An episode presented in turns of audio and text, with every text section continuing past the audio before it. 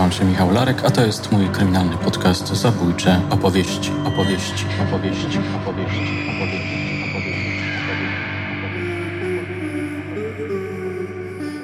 Jak wykryć kłamstwo? No i Ekman to wszystko nagrywał. W trakcie, w trakcie tego egzaminu zarówno egzaminator, czyli pan profesor, jak i studenci nie zauważyli żadnych emblematów e, i już początkowo myśleli, że to po prostu nie wyszło, tak? że, kolejna, że, że jakaś klapa z tymi badaniami. Natomiast w trakcie oglądania nagrań okazało się, że podczas jednego z nich jedna ze studentek e, trzymała skrzyżowane nogi, na nich miała złożone ręce i w trakcie egzaminu cały czas pokazywała profesorowi e, ten właśnie palec. Tak? Czyli cały czas pokazywała, co myśli o profesorze, Natomiast ciekawe było to, że ani studentka nie była świadoma tego, że pokazuje ten emblemat pomyłkowy, ani profesor go nie zauważył.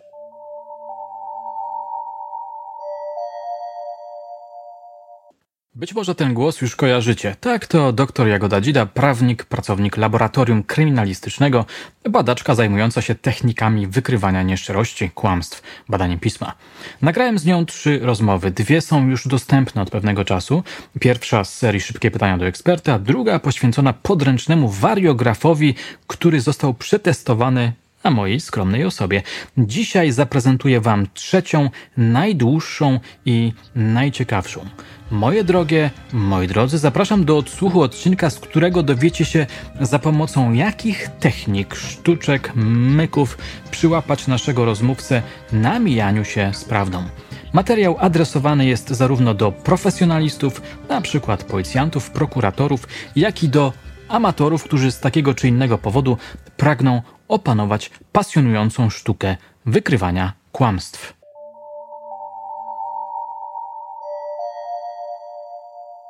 W materiale wideo powiedziałaś coś ciekawego niezwykle, że wariograf nie wykrywa kłamstw. Tak, zgadza się. E, wariograf wbrew nazwie, tak, bo jest taka obiegowa nazwa wariograf jako wykrywacz kłamstw, e, wariograf tak naprawdę wykrywa stres, czyli napięcie emocjonalne, którego doświadczamy w odpowiedzi na niektóre pytania. No i jest takie domniemanie, że jeśli dana osoba zestresowała się bardzo mocno odpowiadając na jakieś pytanie, e, no to być może nie jest z nami całkiem szczera w odpowiedzi na to pytanie, tak? Czyli jest takie domniemanie, że wówczas kłamie. Mhm w swoim artykule poświęconym badaniu nieszczerości w przesłuchaniach mm, odróżniłaś dwa, jakby dwie nieszczerości, fałszywą i nieprawdziwą. Y, tak, to się wiąże ściśle z zeznaniami świadka. Tak? Mamy w, w polskim prawie karnym karalność za fałszywe zeznania, tak? czyli odpowiedzialność karna za, za składanie fałszywych zeznań. Ona dotyczy świadków, którzy składają zeznania, które są fałszywe. No i teraz pojawia się problem. Czy fałszywe zeznania to takie, w których ktoś kłamał i co znaczy to kłamstwo, tak? bo czym, czym jest kłamstwo tak naprawdę? Kiedy możemy tego świadka pociągnąć do odpowiedzialności? I rzeczywiście na tą fałszywość zeznań składają się dwie rzeczy, czyli te zeznania muszą być jednocześnie nieprawdziwe i nieszczere.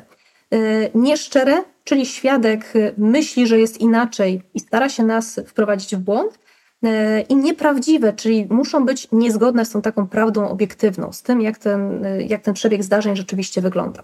Mhm. I to są te takie dwa główne elementy. Natomiast one mogą też występować niezależnie od siebie, tak? Czyli świadek, jeśli chce nas okłamać, czyli składa nam nieszczere zeznania, ale może być tak, że on ma taką niedoskonałą wiedzę, tak? I on y, mówiąc y, rzecz dla siebie nieprawdziwą, rzeczywiście trafi. I ta, ten przebieg zdarzeń, który on opisze, będzie zgodny z tym, co miało miejsce w rzeczywistości. W związku z tym te zeznania będą nieszczere, ale będą prawdziwe. Czyli tak naprawdę nie podpadają nam pod kategorię fałszywych zeznań. Jak prowadziłaś badania do y, swojej magisterki, czy zdarzało ci się mm, przesłuchiwać? Bawić w przesłuchania? W, w, ramach badań tak. Y, tamte badania faktycznie polegały na tym, że, że, że te osoby badane przeze mnie no, miały swoje zadania do wykonania, tak? czyli musiały zobaczyć jakiś obiekt, y, który został przeze mnie im pokazany i później musiały odpowiadać na pytania zadawane przeze mnie. I ich zadaniem było w większej części wprowadzenie mnie w błąd, czyli mnie, osoby przesłuchującej. E, to przesłuchanie było bardzo proste, takie banalne, tak? bo to było kilka pytań, natomiast e, zwykłe przesłuchanie wygląda zupełnie inaczej. No, także tam e, mamy też ramy procesowe, z którymi musimy zgodnie procedować. Przede wszystkim artykuł 171 KPK, czyli nie możemy stosować paragrafu, nie możemy stosować metod, które by wymuszały coś na świadku, tak? czyli nie, nie możemy stosować przemocy na, na przykład. E, nie możemy stosować żadnych środków chemicznych względem świadka, nie możemy próbować hipnotyzować świadka, bo wbrew pozorom były takie pomysły, tak, żeby faktycznie poddawać kogoś hipnozie i może wtedy on nam więcej powie. No u nas nie można. No i musi to przesłuchanie wyglądać w określony sposób, czyli muszą być no, takie momenty, kiedy świadek może się swobodnie wypowiedzieć, e, czyli ta faza, w której świadek swobodnie się wypowiada na dany temat, a dopiero później my możemy zadawać świadkowi pytania. E, I te pytania mogą zmierzać faktycznie do doprecyzowania niektórych kwestii, o których świadek nam powiedział, do sprawdzenia, czy świadek nie kłamie, e, no i do skontrolowania, tak? czy, czy wszystko zostało powiedziane, czy wszystko zostało wskazane. Jeśli nie, to możemy o coś dopytać. Co czułaś, jak na przykład bawiłaś się właśnie w takie przesłuchanie e, świadka i dla ciebie stawało się jasne, że ktoś e, kłamie? Czy czułaś na przykład jakąś satysfakcję? E, jest to satysfakcja, tak? No, tak naprawdę nie musi być przesłuchania, żebyśmy my mogli wykrywać kłamstwo. No tak. Mhm. E, czyli w życiu codziennym też jak najbardziej taką satysfakcję można odczuwać. E, też mi się to zdarza, nie jestem z tego powodu jakaś szczególnie dumna, natomiast jest to naturalna reakcja, tak? Czyli jeśli uda nam się kogoś na czymś przyłapać, mamy taką odpowiednią wiedzę, no to nas to cieszy. W pierwszej chwili oczywiście, bo jeśli osoba, która nas okłamała, jest osobą, która jest nam w jakiś sposób bliska, tak? Jest naszym przyjacielem, jest członkiem rodziny, no to wówczas tej satysfakcji nie ma tak naprawdę, tak? bo to kłamstwo boli. E, między innymi z tego powodu nie potrafimy wykrywać kłamstwa, bo nie chcemy. Bo jeśli faktycznie wykryjemy takie kłamstwo w rodzinie, wśród przyjaciół, no to jest ryzyko, że stracimy taką osobę. Tak? W mhm. związku z tym e, ludzie podświadomie nie chcą wykrywać kłamstwa i dają się chętnie okłamywać innym. Ciekawe. Rozmawiałem kiedyś e, z policjantem, który użył bardzo ciekawej formuły i powiedział, że powiedział coś takiego i teraz zaczęło się misterium przesłuchania. I też pamiętam mm, innego oficera, znakomitego, jednego z najwybitniejszych e, w Wielkopolsce, który mówił na pytanie, co lubił w przesłuchaniu, mówił, że lubił ten moment e, przełamania oporu podejrzanego. I to mu sprawiało wielką satysfakcję. Dlatego też zadałem Ci takie pytanie, czy... Przełamanie oporu. Delikat, to, tak, to była bardzo delikatna formuła. Przełamanie oporu to brzmi jak amerykańskie przesłuchanie, tak? Czyli to takie bardziej niedozwolone u nas.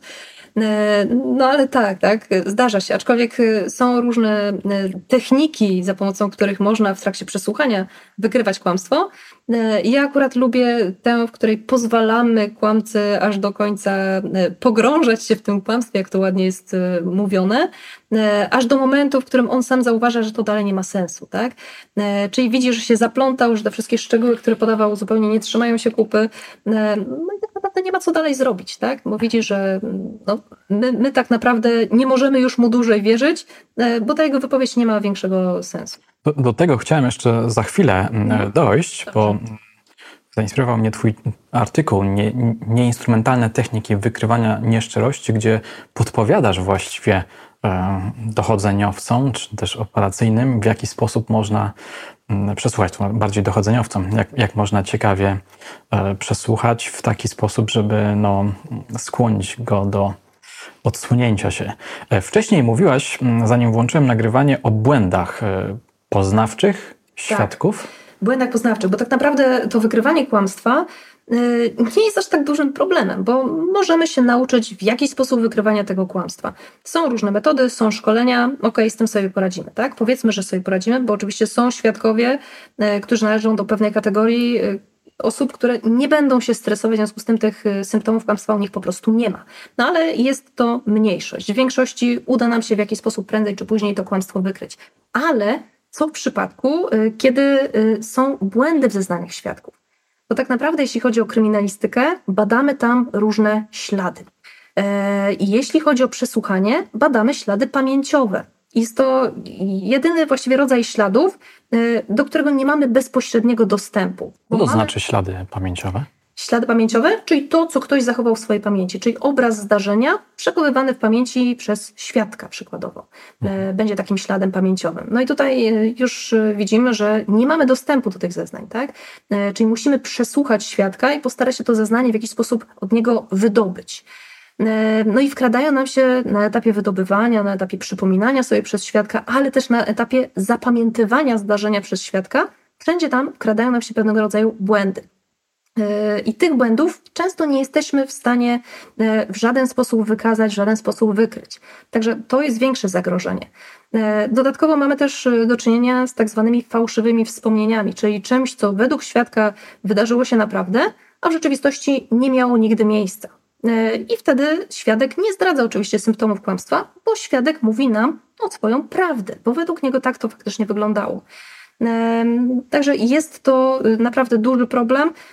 Na koniec polecę y, pozycję związaną z tymi fałszywymi wspomnieniami, ale to na samym końcu. E, czyli są te fałszywe wspomnienia, są błędy świadków i one są na różnych etapach, czyli mogą być błędy e, na etapie przesłuchiwania, kiedy y, no przykładowo dobierzemy złą technikę do świadka, e, czyli zasugerujemy na przykład coś świadkowi.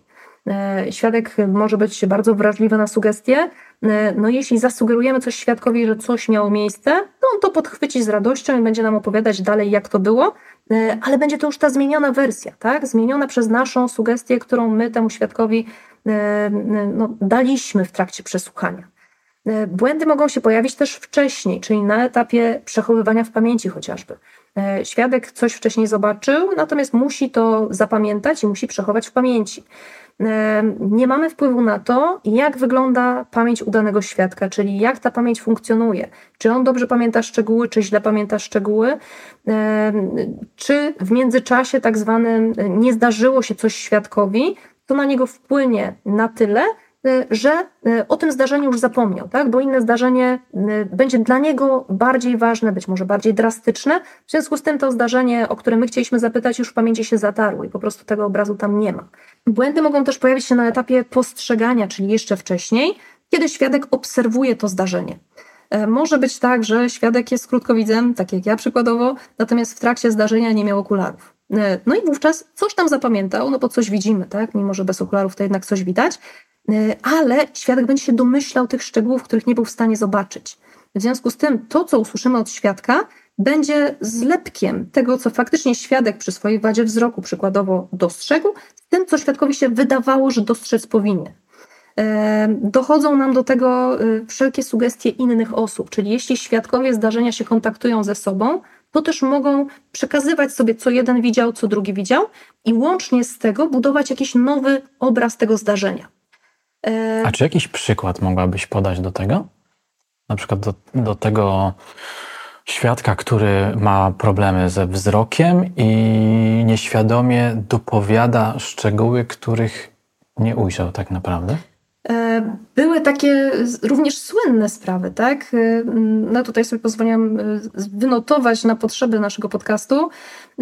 Na przykład w 1984 roku była sprawa w Stanach Zjednoczonych, Alana Newtona, fajne nazwisko, tak, Newton, no, była to, była to normalna sprawa, wydawałoby się. E, ten osobnik razem swoją, ze swoją narzeczoną i rodziną tej narzeczonej poszli do kina, potem poszli na kolację do restauracji, następnie pożegnali się z tą resztą rodziny, wrócili do domu.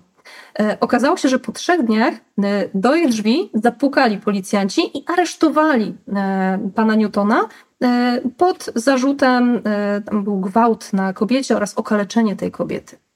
E, czyli wydawałoby się, że no, alibi ma silne, tak? bo widziało, ją, widziało go w, w tamtym momencie więcej osób, bo nie tylko jego narzeczona, ale też reszta rodziny. Okazało się, że to nic nie dało. Został skazany na 40 lat pozbawienia wolności, czyli sporo. Osoba Pół niewinna. Życia. Osoba niewinna, tak? E, okazało się, że y, błędy tutaj były na etapie e, również przesłuchania, bo świadek początkowo rzeczywiście zeznawał, że nie widział. Tak? Świadek tutaj był akurat ofiarą, tak? zarazem, bo to była ta kobieta. Ona na początku nie była pewna, e, kto jej to zrobił. Nie była pewna nawet koloru skóry sprawcy. Natomiast e, z czasem, w ramach kolejnych przesłuchań, ona tej pewności nabrała. Tak? Być może ktoś jej coś zasugerował. Natomiast wiemy, że na początku nie było tej pewności u, u danej osoby. Tak? E, czyli rzeczywiście z czasem ta osoba musiała sobie dopowiedzieć, że to faktycznie był ten podejrzany.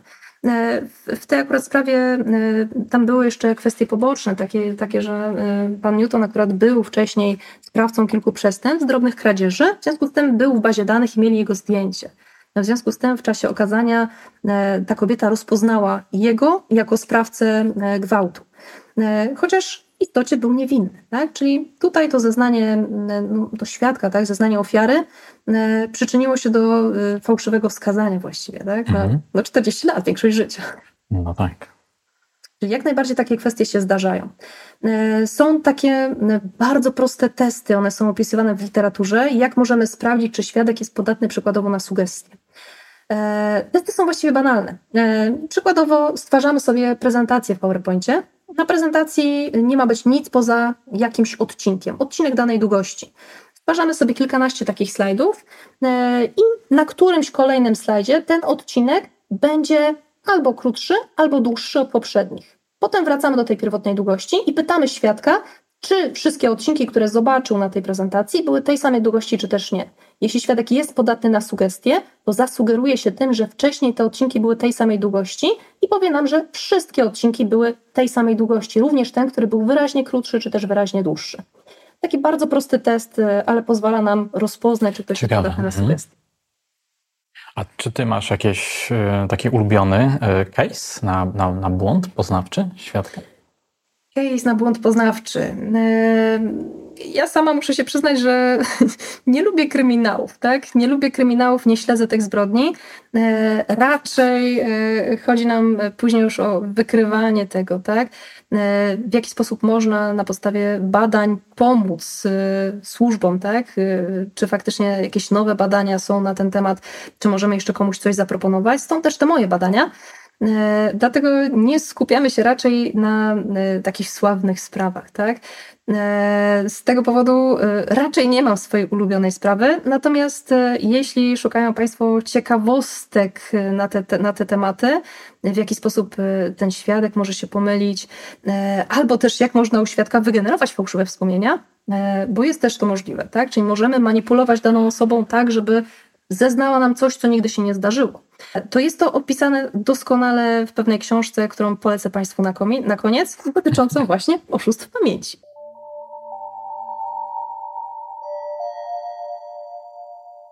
Chciałem Cię zagadnąć o, o znaki kłamstw. Tak. Bo to jest taki temat, który pojawia się w filmach, serialach. Będziemy też rozmawiać o mitach, które są e, w związku z tym e, nam doskonale znane. No taka najbardziej chyba medialna oznaka kłamstwa. To jak ktoś kłamie, to zwężają mu się źrenice?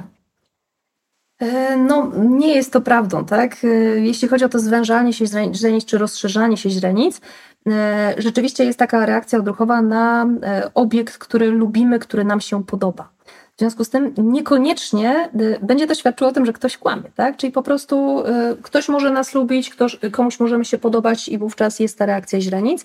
Dodatkowo e, na kształt źrenic wpływają też pewne używki, tak? Czyli rzeczywiście, jeśli ktoś będzie pod wpływem jakiejś substancji odurzającej, też może mieć te źrenice w innym kształcie niż normalnie. Czyli rzeczywiście te, te źrenice nie są wiarygodnym e, symptomem kłamstwa, natomiast są inne, tak? E, czasem się mówi o tak zwanym efekcie Pinokia. Nie wiem, czy słyszałeś o efekcie Pinokia. E, o co w tym może chodzić. No, Nie. Pinokio, e, znaczy, Pinokio... Wiem, że tak. Pinokio tak. miał wydłużający się nos i jeden z polskich polityków jest takim mianem przezywany. Do tego drugiego się nie odniosę taktycznie. E, natomiast masz rację, tak? Chodziło o drewnianego chłopca, któremu wydłużał się nos pod wpływem kłamstwa. O co chodzi z efektem Pinokia? Chodzi o to, że było w tym troszeczkę prawdy, paradoksalnie, E, no tutaj wpływa nam na to e, kwestia ukrwienia pewnych części ciała. Okazuje się, że nasza twarz e, jest bardzo podatna na zmiany temperatur. I rzeczywiście, jeśli się denerwujemy, tak, czyli pod wpływem stresu, to samo co mierzy wariograf, czyli stres.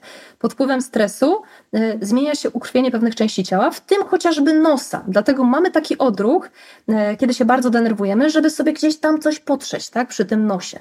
E, stąd efekt Pinokia, tak? Nos nam co prawda nie rośnie, ale mamy chęć potarcia tego nosa, tak jakby już nam rósł. Okej. Okay. Czyli trzeba jednak przyglądać się nosom przesłuchiwanej. Można, można, aczkolwiek e, patrzymy też na rękę. E, okazuje się, że nie jest to bez znaczenia. Czyli osoby praworęczne rzadziej będą no, kłamać, tak? Jeśli pocierają sobie ten nos lewą ręką, E, częściej e, będą to takie ruchy właśnie te maskujące wykonywane wiodącą ręką, czyli w przypadku osób praworęcznych prawą ręką. E, I rzeczywiście, jeśli wtedy ten nos gdzieś idzie nam w kierunku twarzy, nos idzie, ręka idzie, tak, w kierunku nosa, w kierunku twarzy, to może świadczyć o tym, że ktoś ma ochotę skłamać albo no, po prostu się stresuje w tym czasie. Dodatkowo, jeśli chodzi o ten nos, Małe dzieci mają też tendencję do zakrywania twarzy, tak? czyli te ruchy takie w kierunku twarzy, żeby zakryć twarz, e, kiedy kłamią, e, zostają nam tak naprawdę od dziecka. E, dlatego wszelkie ruchy wykonywane w kierunku twarzy, nosa czy też ust, czy też chociażby przekierowanie tego ruchu gdzieś w kierunku ucha, one mogą świadczyć o tym, że właśnie ktoś się w danej chwili stresuje i być może nie jest z nami całkiem szczery. Tylko patrzymy znowu, tak jak już wcześniej wskazałam, na rękę. Teraz przypomniał mi się chyba taki, nie wiem czy to fałszywe jest wspomnienie, przypomniał mi się fragment z tej książki, o której rozmawialiśmy wcześniej, Anatomia Kłamstwa, napisana przez kilkoro autorów.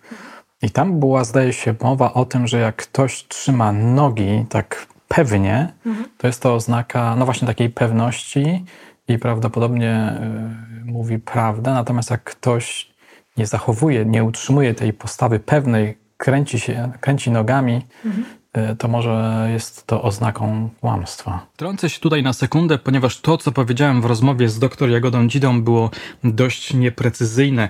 Chodziło mi o tak zwany punkt kotwiczny. W książce, o której wspominałem, Anatomia kłamstwa, tak ten punkt kotwiczny jest definiowany. Dowolna część ludzkiego ciała, która zakotwicza osobę w konkretnym miejscu lub pozycji, dotyczy to także stóp, które zawsze są punktami kotwicznymi. Ruch punktu kotwicznego traktujemy jako potencjalne, niewerbalne zachowanie kłamliwe, w którym ruch fizyczny służy rozwianiu niepokoju.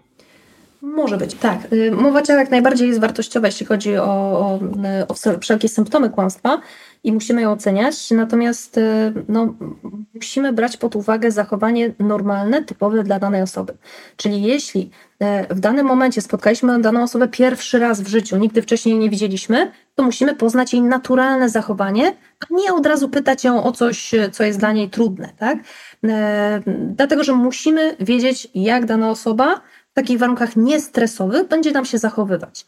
Wtedy widzimy, jak ta osoba zachowuje się normalnie. W związku z tym, jeśli zadamy jej to pytanie kłopotliwe, to widzimy, czy zachowuje się w ten sam sposób, czy to zachowanie się zmienia. I dopiero wówczas możemy oceniać mowę ciała. Czyli Może najpierw być... trzeba sobie zbudować taki profil tak. behawioralny. Tak, jak najbardziej tak. E, zresztą jeśli chodzi o, o tą mowę ciała, e, były też rozmaite programy tak, telewizyjne, o jednym powiemy sobie jeszcze za chwilę, mhm. E, z udziałem Ekmana. Natomiast był też program prowadzony przez pana Brokała, o ile się nie mylę, w Stanach Zjednoczonych. On też twierdził, że doskonale potrafi wykryć kłamstwo. No i widział, jak ktoś się zachowuje, stwierdzał, że ta osoba kłamie, czy też mówi prawdę. E, no i pan Brokał nie przeszedł do historii z powodu genialnego sposobu wykrywania nieszczerości, tylko wręcz przeciwnie. E, również Ekman w swojej książce opisał jeden rodzaj błędu w ocenie czyjegoś zachowania, e, czyli kiedy możemy się pomylić z tym, że ktoś kłamie, jako tak zwane ryzyko Brokała. Czyli musimy to zachowanie, które widzimy, oceniać przez pryzmat zachowania typowego dla danej osoby. Może być tak, że ktoś cały czas pociera nos. Może być tak, że ktoś cały czas ma taką niepewną mowę ciała, tak jak to nazwałeś, tak? Jeśli jest to zachowanie typowe dla danej osoby, to nie będzie to symptomem kłamstwa. E, stąd trzeba poznać reakcję danej osoby, pod wpływem takiej normalnej rozmowy. Zresztą to jest też uwzględnione w polskim przesłuchaniu, tam mamy też taką część wprowadzającą, e, czyli tak, na taki niezobowiązujący temat, wówczas obserwujemy, jak dana osoba się zachowuje, jakich słów używa, bo również to jest ważne i wtedy możemy e, stwierdzić w trakcie już tego właściwego przesłuchania, tak, w trakcie wypowiedzi tej osoby i zadawania pytań, czy ta osoba zmienia to swoje zachowanie, czy też niekoniecznie.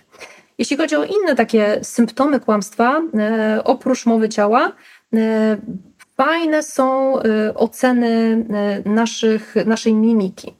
Okazuje się, że nawet można ocenić, czy dany uśmiech jest szczery, czy też nie, na podstawie tego, czy jest symetryczny. Okazuje się, że te ekspresje mimiczne, które są szczere, będą symetryczne. Poza takim uśmieszkiem pogardy, tak? On nie zawsze jednostronny, ale to jest inna, inny, inny rodzaj, tak? To jest inna ekspresja. Reszta jest symetryczna, jeśli jest szczera. I teraz okazuje się, że jeśli y, taka osoba symuluje uśmiech, to uśmiechnie się bardziej jedną stroną twarzy. też na to należy zwrócić uwagę. Reszta, no tutaj jeśli chodzi o mikroekspresje mimiczne, one też są bardzo fajne. Czy to są takie ekspresje, które trwają ułamki sekund. E, no jeśli coś trwa ułamek sekundy, to jest duża szansa, że tego nie zobaczymy na początku. Są specjalne programy umożliwiające e, odczytywanie tych mikroekspresji. Polega to po prostu na tym, że jest nagranie, na nagraniu są jakieś ekspresje mimiczne i one są w zwolnionym tempie, także widzimy jak to się zmienia. Uczymy się wykrywać te mikroekspresje w trakcie, kiedy one są dłuższe niż w rzeczywistości, z czasem odtwarzamy je sobie coraz szybciej i szybciej, aż dochodzimy do tego naturalnego tempa. I wtedy faktycznie nawet taką mikroekspresję, taki ułamek sekundy jesteśmy w stanie wychwycić. E, co ciekawe, te ułamki sekundy e, często są przez nas wychwytywane w ramach tak zwanego pierwszego wrażenia. E, czyli to, kiedy jesteśmy przekonani, że no widzimy pierwszy, pierwszy raz daną osobę, nigdy jej nie widzieliśmy wcześniej, ale już ją lubimy, tak? Albo już jej nie lubimy.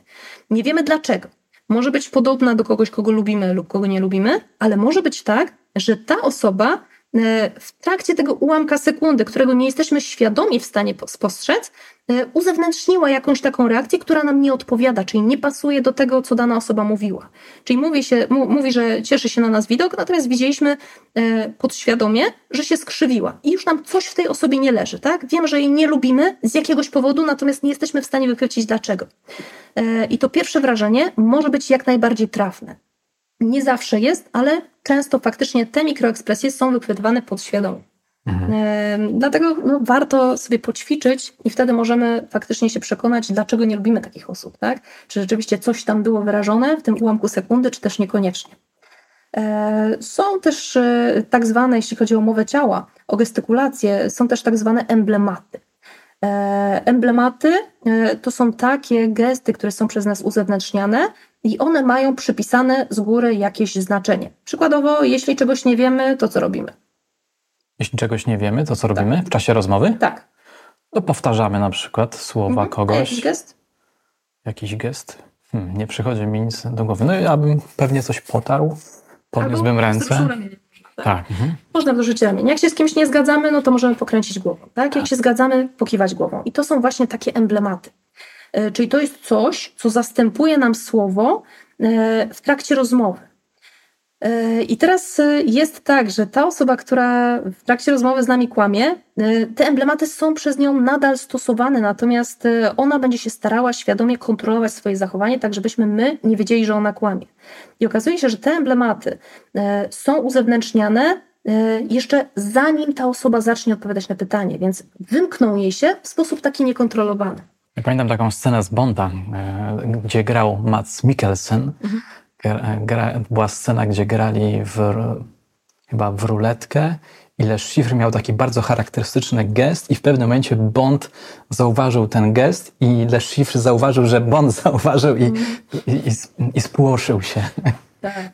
Tak, no y, tutaj okazuje się, że te emblematy y, to, to nie jest coś, co ma dana osoba, tylko to jest coś, co jest charakterystyczne dla danej społeczności czyli y, dokiwanie właśnie głową, tak? kręcenie głową, wzruszanie ramionami, pokazywanie kciuka w górę, tak? albo z kolei innego palca, również w górę. Tak? Załapałem, załapałem. E, wszystko to są jakiegoś rodzaju emblematy, czyli coś ma sugerować naszemu rozmówcy i jest wyrażone poza słowami, natomiast one ma określone znaczenie. E, w związku z tym te emblematy pod wpływem e, kłamstwa, one nadal są uzewnętrzniane, czyli osoba nadal stosuje emblematy, tak jakby odpowiadała szczerze, ale rozumie, że nie może wszystkiego powiedzieć, czyli będzie chciała coś zataić. I te emblematy, które są normalnie na co dzień w rozmowie uzewnętrzniane, one są e, pokazywane raczej w górnej połowie ciała, tak żeby rozmówca widział, tak? E, czyli jeśli kiwamy głową, no to widać, tak? Górna partia ciała. E, z kolei te emblematy pomyłkowe, one mogą być uzewnętrzniane w innym miejscu. Czyli możemy wzruszyć jednym ramieniem zamiast dwoma, tak? Możemy pokazać komuś e, ten zgoła inny palec skierowany w górę, natomiast nie będzie to w górnej połowie ciała, a w dolnej. E, genialny przypadek tego opisywał Ekman w swojej książce. W trakcie symulowanego egzaminu, tak, bo to była sytuacja egzaminu, natomiast to było jego doświadczenie, jego badanie, przeprowadził egzamin w taki sposób, żeby wszyscy rozmówcy e, byli doprowadzeni do furii. Mianowicie był to egzamin z psychologii i każda osoba, która się pojawiła na egzaminie, odpowiadała błędnie z danym egzaminatora. E, przykładowo było pytanie o to, czy dana osoba e, kiedykolwiek uczęszczała na psychoterapię Jeśli dana osoba odpowiedziała, że tak, no to jej zarzucano, że jeśli sama się leczy albo leczyła, to nie może leczyć innych, w związku z tym nie będzie dobrym psychiatrą czy też psychologiem. Jeśli z kolei odpowiedziała, że nie, to jej zarzucano, że no jak może leczyć innych, skoro nigdy nie uczęszczała i nie wie, jak to powinno przebiegać. Czyli każda odpowiedź była błędna. No i Ekman to wszystko nagrywał. W trakcie, w trakcie tego egzaminu zarówno egzaminator, czyli pan profesor, jak i studenci nie zauważyli żadnych emblematów e, i już początkowo myśleli, że to po prostu nie wyszło, tak? że, kolejna, że, że jakaś klapa z tymi badaniami. Natomiast w trakcie oglądania nagrań okazało się, że podczas jednego z nich jedna ze studentek e, trzymała skrzyżowane nogi, na nich miała złożone ręce i w trakcie egzaminu cały czas pokazywała profesorowi e, ten właśnie palec. Tak? Czyli cały czas pokazywała, co myśli o profesorze, Natomiast ciekawe było to, że ani studentka nie była świadoma tego, że pokazuje ten emblemat pomyłkowy, ani profesor go nie zauważył. E, no można się zastanowić dlaczego. Ekman to akurat wyjaśnia. Rzeczywiście studentka wiedziała, że jej nie wolno, więc myślała, że tego nie pokazuje nie była świadoma tego, że ten emblemat pomyłkowy gdzieś tam jej wyciekł. Z kolei profesor nie zauważył, bo nie przypuszczał, że studentka, tak, jego studentka, jedna z ulubionych, może profesorowi pokazać taki gest. No nie wypada, no jak? Nawet się nie spodziewał tego. W związku z tym nie zwrócił po prostu na to uwagi. E, czyli widać doskonale, jak wiele tych emblematów pomyłkowych również może nas omijać w życiu codziennym, tak? Nie zauważamy, bo czasem nie chcemy zauważyć. Wybieramy to. Tak, dokładnie tak. A teraz y, chciałem Ci zadać pytanie, które sobie zanotowałem, bo to, co, o czym teraz mówisz, jest przynajmniej dla mnie jest y, fascynujące. Ja uwielbiam słuchać też oficerów, którzy opowiadają o przesłuchaniach. To w pewnym momencie to był taki mój ulubiony motyw y, w opowieściach milicyjno-policyjnych, przesłuchania, ta walka z podejrzanym. Czy ciebie nigdy nie korciło, żeby z murów uniwersyteckich wyskoczyć przynajmniej na chwilę i no, porozmawiać z przestępcami na przykład, albo podejrzanymi, żeby posprawdzać te wszystkie metody, techniki.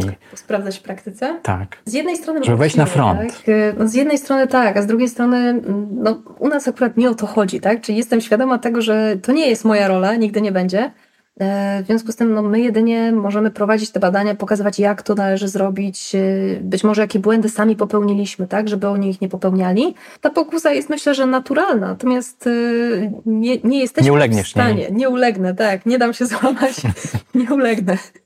Ale przyznaję, że pokusa jest, tak, żeby rzeczywiście zobaczyć, jak to wygląda, jak wygląda sytuacja badania. Mieliśmy zresztą też w ramach studiów spotkanie z biegłym z zakresu wariografii i on też nam e, o tym opowiadał. Pokazywał nam też, e, w jaki sposób można wykryć to kłamstwo. Opowiadał nam też o swojej pracy. W związku z tym mieliśmy namiastkę tego, tak? Czyli to, co nam było wolno, e, no to z tego skorzystałam. Natomiast resztę, no póki co się nie zanosi.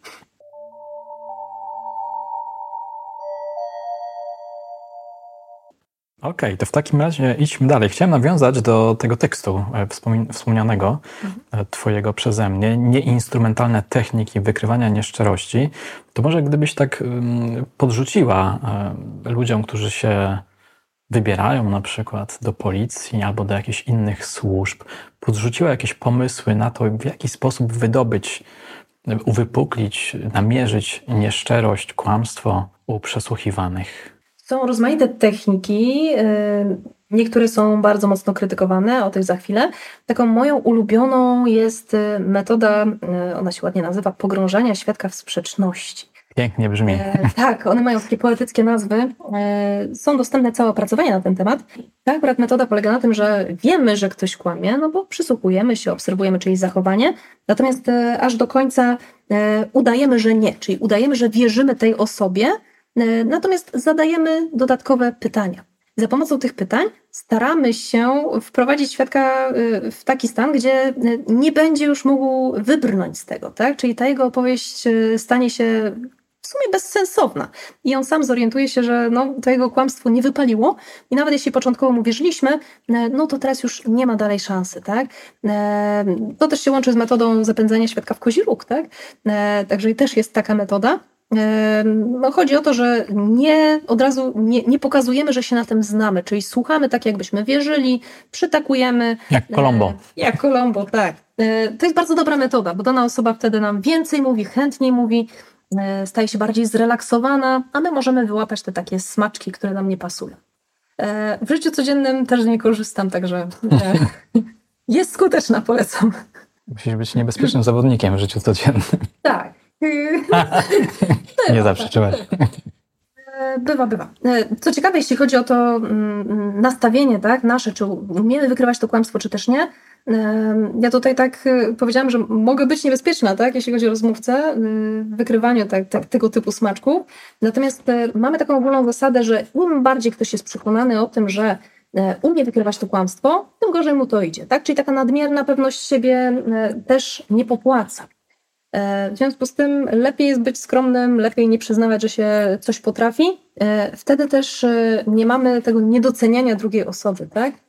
Czyli musimy być stale przygotowani na to wykrywanie, a z drugiej strony nie zachęcam do popadania w paranoję i kontroli, kontroli teraz zachowania członków rodziny, żeby wykryć kłamstwo.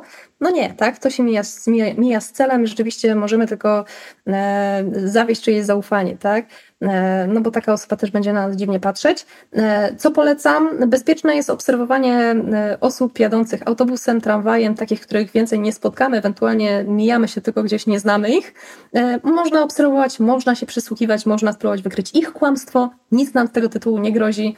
W związku z tym będziemy też bezpieczniejsi. Tak? Ty to robisz? Jak jedziesz tramwajem? Zdarza mi się. Zdarza Ludzie, mi się. uważajcie na siebie. No na początku, y, wtedy kiedy się przygotowywałam do tych badań magisterskich, wtedy się przyznaję, że, że tak, że nagminnie wręcz obserwowałam takie osoby. Natomiast starałam się nie wyglądać na, na jakąś taką osobę, która jest stalkerem, tak? w sposób podejrzany to robi. Y, z dyskrecją, tak? Y, obserwować, ale dyskretnie.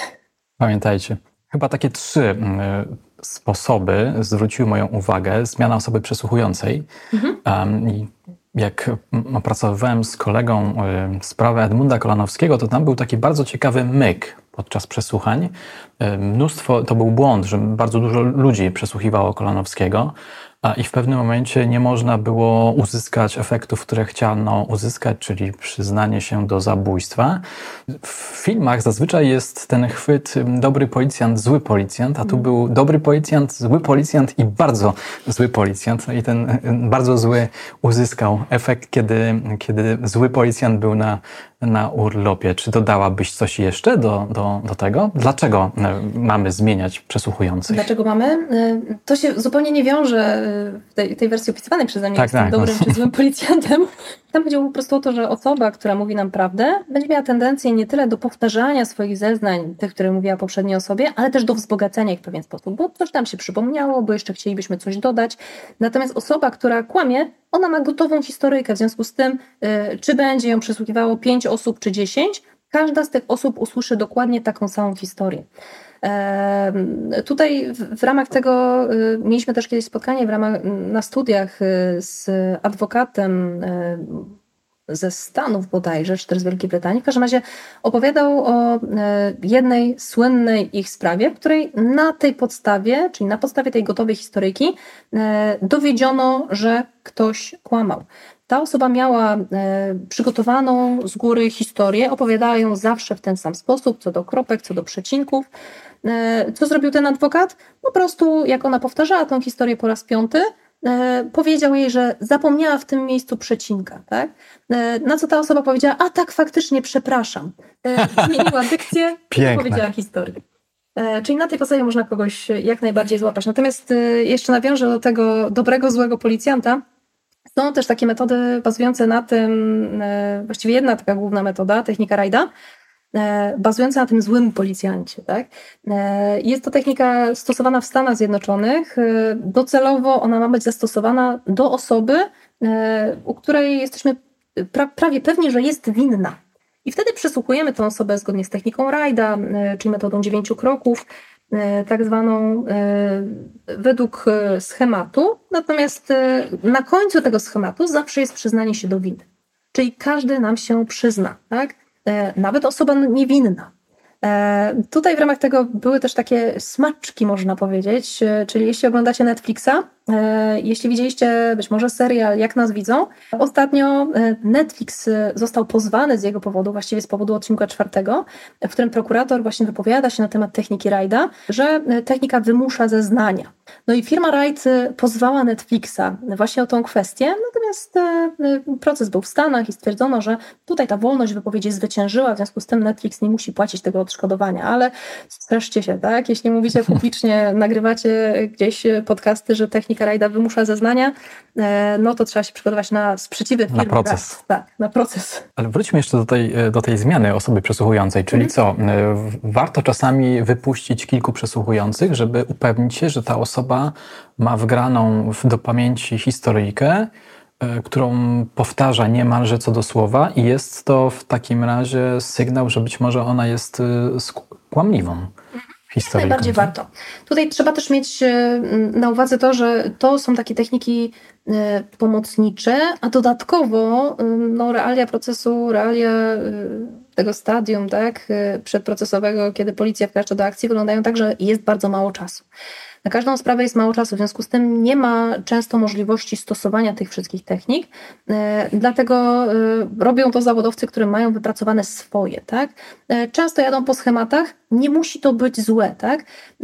Dlatego te moje propozycje, one są oczywiście cytowane z literatury zagranicznej, są skuteczne, ale to też nie jest zalecenie dla każdego przysłuchującego, żeby koniecznie zmieniał, zmieniać te osoby, tak? bo nie zawsze jest sens, nie zawsze jest na, te, na to czas.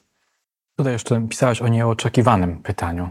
Tak. Może z dwa zdania na ten e, temat. Nieoczekiwane pytanie. Chodzi po prostu o to, że e, jeśli dana osoba ma gotową historyjkę, no to spodziewa się pewnych typowych pytań do tej swojej historii. Jeśli jednak zadamy jakieś nieoczekiwane pytania związane z tym, no to nie będzie mogła y, od razu odpowiedzieć, musi się zawahać, tak? będzie, będzie skonfundowana. E, jeśli e, tej sytuacji mamy do czynienia e, z kilkoma osobami, które się umówiły co do tej wersji, to te osoby nie mają gotowej wersji odpowiedzi. W związku z tym każda z tych osób dodatkowo może odpowiedzieć w inny sposób. Tutaj w moim artykule pisałam o tych nieoczekiwanych pytaniach w kontekście doświadczenia tutaj z kolei drugiego badacza, tak, pana Wrija, w restauracji, czyli parę osób miały skłamać na temat tego, E, że były w restauracji i jak wyglądał ich posiłek. No i się przygotowywały na temat tego, co jadły, tak? Po kolei, jakie były dania. E, natomiast o co spytał badacz? Badacz spytał, e, jaka była odległość ich stolika od kolejnego stolika. Kto pierwszy skończył posiłek, tak? Czyli to były takie smaczki, które gdyby ta historia była prawdziwa, no to moglibyśmy dodać. Natomiast w sytuacji, kiedy to była wymyślona historyjka, uzgodniona dodatkowo w parach, nie było szans, żeby wymyśleć E, na czas odpowiednią odpowiedź. Więc jak najbardziej jest to fajna technika, natomiast e, również ona jest jedynie pomocniczą, czyli nie można na niej opierać przesłuchania, tylko można dodatkowo się nią e, posiłkować. Może to być jakiś sygnał, że Może oto być. w tym kierunku warto iść. E, natomiast no, tutaj trzeba zasygnalizować, że co innego te badania, co innego moja sygnalizacja tego, jak to powinno wyglądać, jak to mogłoby wyglądać, a co innego realia, tak? Nie wszystko da się zastosować, nie wszystko jest możliwe do zastosowania. E, czasem mamy za mało czasu, tak? Za mało ludzi do tego. E, dlatego wszystko to trzeba dopasować do danej sprawy, do danych realiów. Ale najbardziej chyba zainteresował mnie, zaintrygował mnie mm, punkt, który zatytułowałaś Wspomaganie się rysunkiem.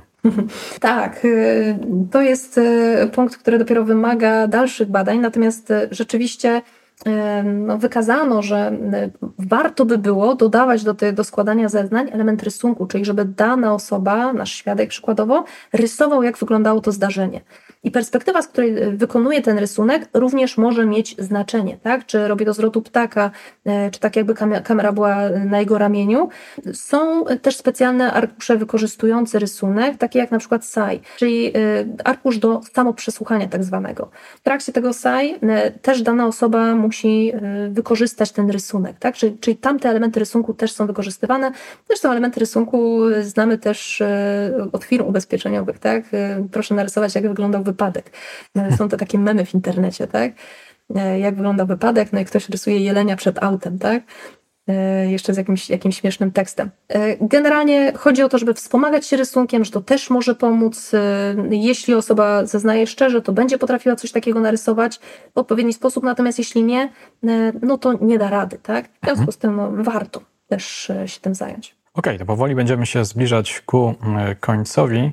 E, przed tą rozmową mówiliśmy troszkę o serialu Lie to Me, czyli Magia Kłamstwa, mhm. w który to serial był zamieszany Paul Ekman. Tak, zgadza się. Często się powoływałaś na Ekmana dzisiaj. Często się powoływałam. E, tak naprawdę wszystko to, co wiemy na temat tych niewerbalnych symptomów kłamstwa, E, a przynajmniej większość z tych rzeczy, zawdzięczamy Ekmanowi. Czyli był to taki pionier badań, badań nad e, emocjami, nad psychologią emocji. E, no i z czasem właśnie doszło do tego wykrywania kłamstwa, ale w ramach tych mikroekspresji, czyli połączenie z emocjami. Jeśli chodzi o ten serial Lie to Me, on był ekspertem w tym serialu, tak? czyli on wszystko nadzorował, jak to wygląda. On też pozwalał sobie opublikować do każdego odcinka Y, swój komentarz na, na stronie internetowej. Czyli mogliśmy przeczytać, y, co według niego było zrobione nie tak, y, gdzie tam ten filmowy ekspert się pomylił, bo filmowy ekspert miał odzwierciedlać Ekmana, czyli miał się zachowywać tak jak Ekman, też miał wykrywać kłamstwo, no, natomiast sam Ekman miał do tego pewne uwagi. Niestety okazało się, że z czasem ta osoba, która w, w tym serialu wykrywała kłamstwa, stała się zbyt pewna siebie, no i Ekman stwierdził, Czyli że mówimy o tym... teamie Rocie. Tak. E, no i Ekman stwierdził, że nie na tym to polega, że w ramach wykrywania kłamstwa możemy zawsze popełnić błędy, musimy być tego świadomi, natomiast w serialu, e, serial tego po prostu nie odzwierciedla. No i w taki sposób zakończyła się jego współpraca z, z twórcami serialu, także dalej już Ekman tego w żaden sposób nie nadzorował. Nie Czyli nauka rozwiodła się z fikcją. Tak, w tym przypadku tak. No, efekt CSI tutaj zadziała negatywnie, tak? Naukowiec stwierdził, że to nie odzwierciedla rzeczywistości i niestety musieli się pożegnać. A może na koniec w takim razie y, przedstawiłabyś tę zapowiadaną parę razy bibliografię dla wszystkich miłośników, którzy chcieliby pogłębić temat. Tak, bibliografia będzie skromna, dlatego że y, jeśli chcecie się dopiero wgłębić w ten temat, no to czasem braknie nam cierpliwości na czytanie jakichś opasłych, tom, opasłych tomów, tak? Po to jest ten podcast. po to jest ten podcast, natomiast bibliografia też nie powinna zniechęcać. Dlatego mam e, dla Was w ramach polecajek dwie pozycje, tylko dwie. E, pierwsza jest to pozycja Ekmana, kłamstwo i jego wykrywanie w biznesie, polityce i małżeństwie.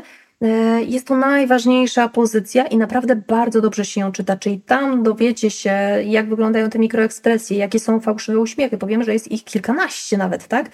E, czyli kilkanaście rodzajów uśmiechu e, Ekman wyróżnił. Są tam też anegdotki z życia Ekmana, e, z czasów, kiedy uczył się wykrywać kłamstwo. Dowiecie się też, że jemu samemu nie zawsze się to udawało, szczególnie nie w rodzinie. Także jak najbardziej warte przeczytania. Bardzo dobrze się czyta również do poduszki i nie, zas, nie, nie zaśniecie przy tej pozycji. Natomiast druga pozycja e, to pozycja dotycząca fałszywych wspomnień. E, nosi nazwę Oszustwa Pamięci. E, jej autorką jest pani dr Julia Shaw. W niej przeczytacie również, w jaki sposób wytwarzać u kogoś fałszywe wspomnienia, czego nie polecamy, natomiast doczytacie, że jest to jak najbardziej możliwe. Bardzo Ci dziękuję za rozmowę.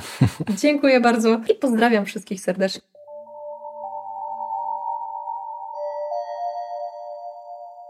Mam nadzieję, że odcinek zaintrygował Was i sporo nauczył w zakresie wykrywania kłamstw. Jestem ciekaw, czy zdarza Wam się czasami przyłapywać innych na łoganiu i w jaki sposób to robicie. Podzielcie się swoim doświadczeniem, może macie własne oryginalne, skuteczne sposoby. Na dzisiaj to wszystko. Do usłyszenia już niebawem.